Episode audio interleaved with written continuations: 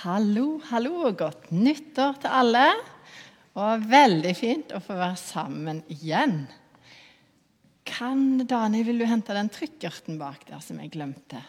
For i høst, da på hele gjengen, så har vi vært gjennom noe som heter pulsslag. Åndelig pulsslag, akkurat som hjertet slår og pulserer liv i kroppen, så trenger vi noen elementer i vårt i vår tro, sånn at ikke tro blir død og kjedelig, men at det blir levende. Og de eh, elementene viktigste for mange av oss, de er nemlig disse. Og kan noen hjelpe meg? Hva er det vi har vært innom i høst? Bønn. Yes. Bønn. Og én til. Nei til Bibel. Tilbedelse. Bra det er noen som følger med. Og i dag er det nemlig om Bibelen. Og hva er det med denne herren? Boka som er så spesielt? Jo, han er verdens bestselger. Hvert år så gis det ut, eller selges det, 50-60 millioner bibler. Han er oversatt til 700 språk, og deler av han er oversatt til 3400 språk. Det er ei populær bok. Og folk de er desperate etter å lese den. Og broder Johannes, som har vært en racer på å smugle bibler inn i land der det er forbudt å ha bibler, han sier at noen menigheter de har kanskje én bibel på deling. Men de løsningsorienterte de drar ut sider og fordeler sidene mellom medlemmene. For alle vil ha litt av Bibelen. Og noen pugger gjerne vers, hele kapitler, ja, til og med hele bøker i Bibelen for å kunne bære det med seg i hverdagen, der det er forbudt å ha bibler. Ja, noen er villige til å dø for å kunne lese denne boka. Og hva i alle dager er det med den boka, da, som hos oss i Vesten her nesten støver ned og skaper litt sånn dårlig samvittighet for at vi ikke leser nok? Og ja, jeg syns absolutt det kan være tungt å lese den. En av ungene mine sa her en dag at 'Mamma, hvorfor skal jeg lese i Bibelen?' Jeg kan jo alle historiene nå. Så hvorfor skal vi lese den? Hva er Bibelen? Jo, Bibelen, Guds ord. Det er Guds ord, og det er levende. Ja, selv om du har hørt historien en gang, så er vi ikke ferdige.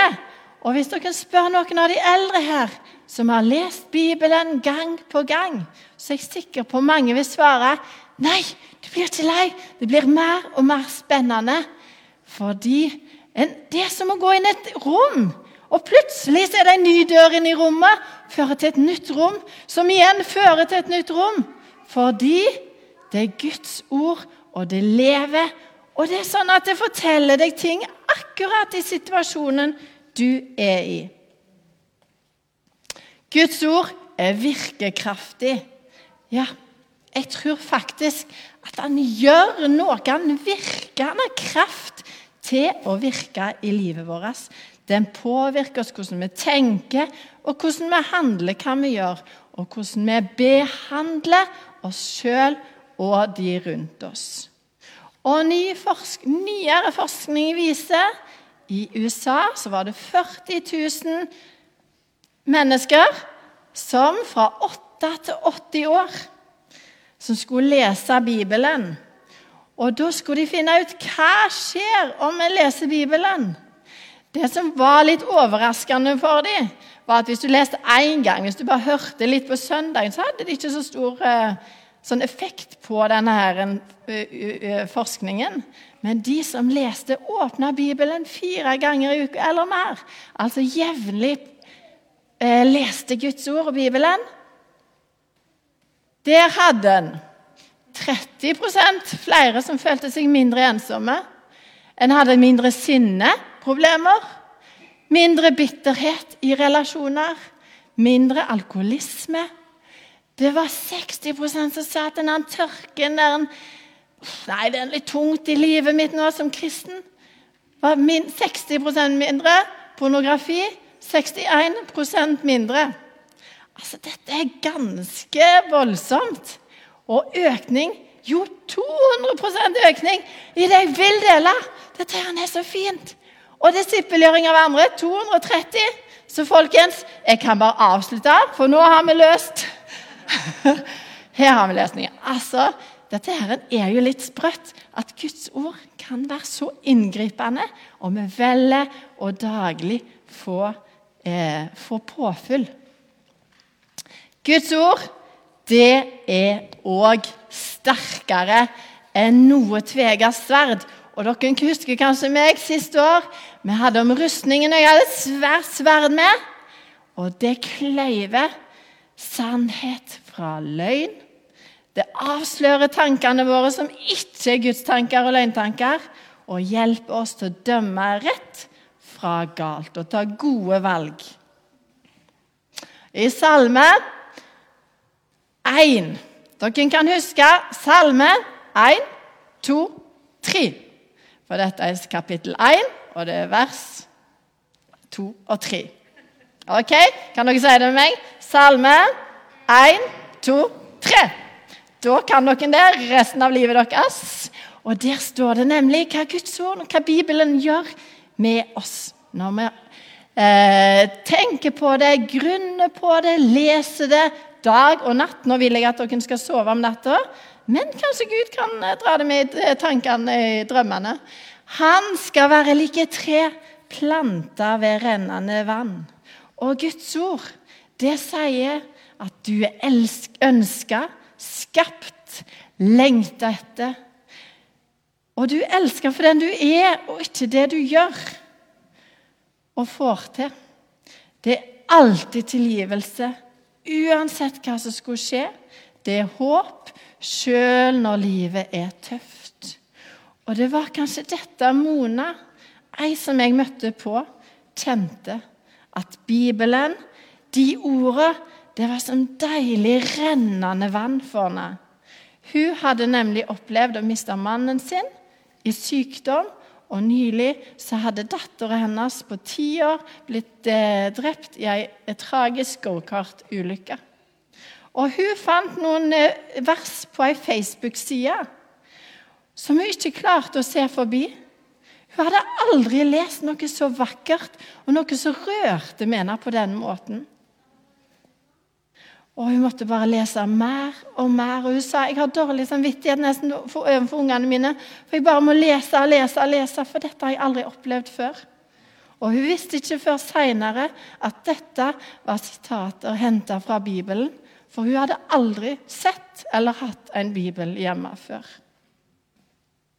Og er du på tur så er det ingenting som er så godt når du er tørst og sliten, som rennende, friskt vann. Og Guds ord, det gir frukt i rett tid, og løvet visner ikke.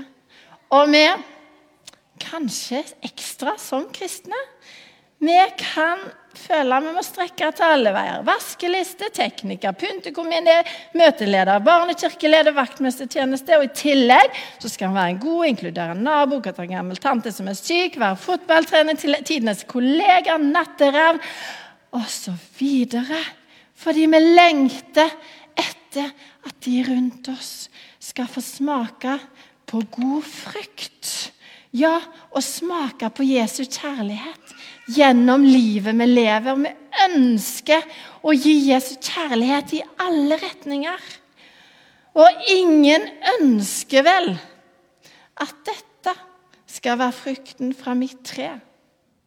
At folk rundt meg skal se på meg, mine handlinger, og tenke for en råtten Jesus du tror på. For en råtten Jesus som har innflytelse i ditt liv. Åh, og heldigvis står det et sted. Der var frykten. Jeg henger litt etter på powerpointen nå. Men der var vi på plass. Heldigvis så står det at vi er kun greinene, og at jeg, sier Jesus, er stammen. Og vi henger fast i Han med, til Guds ord, til Bibelen.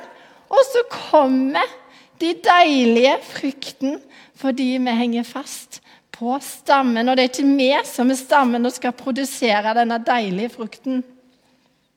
Det er magisk magic. Og alt han gjør, skal lykkes for han. For et herlig løfte! Og da kan en lure på Gud, er det der en sant? Alt jeg gjør, skal lykkes. Altså overflod, det skal dyre biler, båter, hytter, flott karriere, toppkarakterer, veloppdratte barn, god helse osv. Det er ikke sånn livet er. Hva mener du for noe, Gud? Og kanskje er det som det verset som vi var innom når vi hadde om bønn.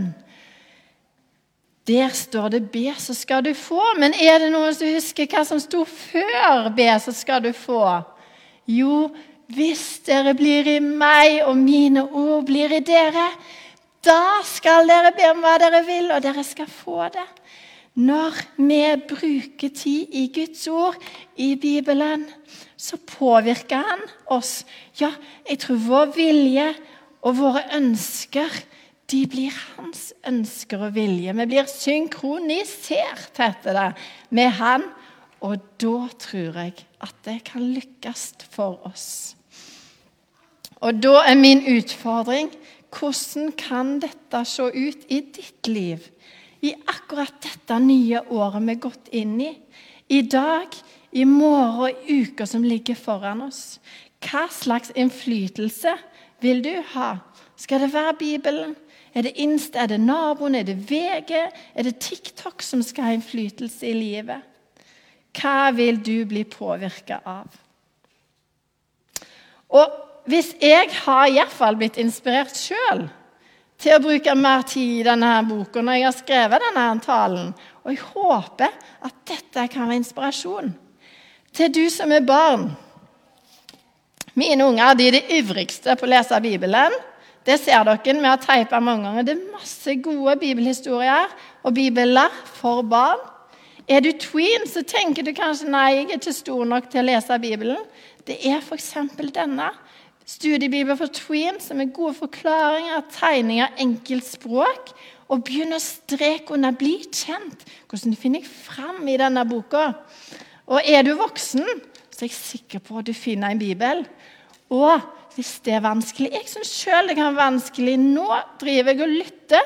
Det fins opplest. Så jeg kan bare lytte mens jeg går tur, mens jeg tar oppvask, mens jeg kjører. 15 minutter hver dag, så er jeg gjennom Bibelen.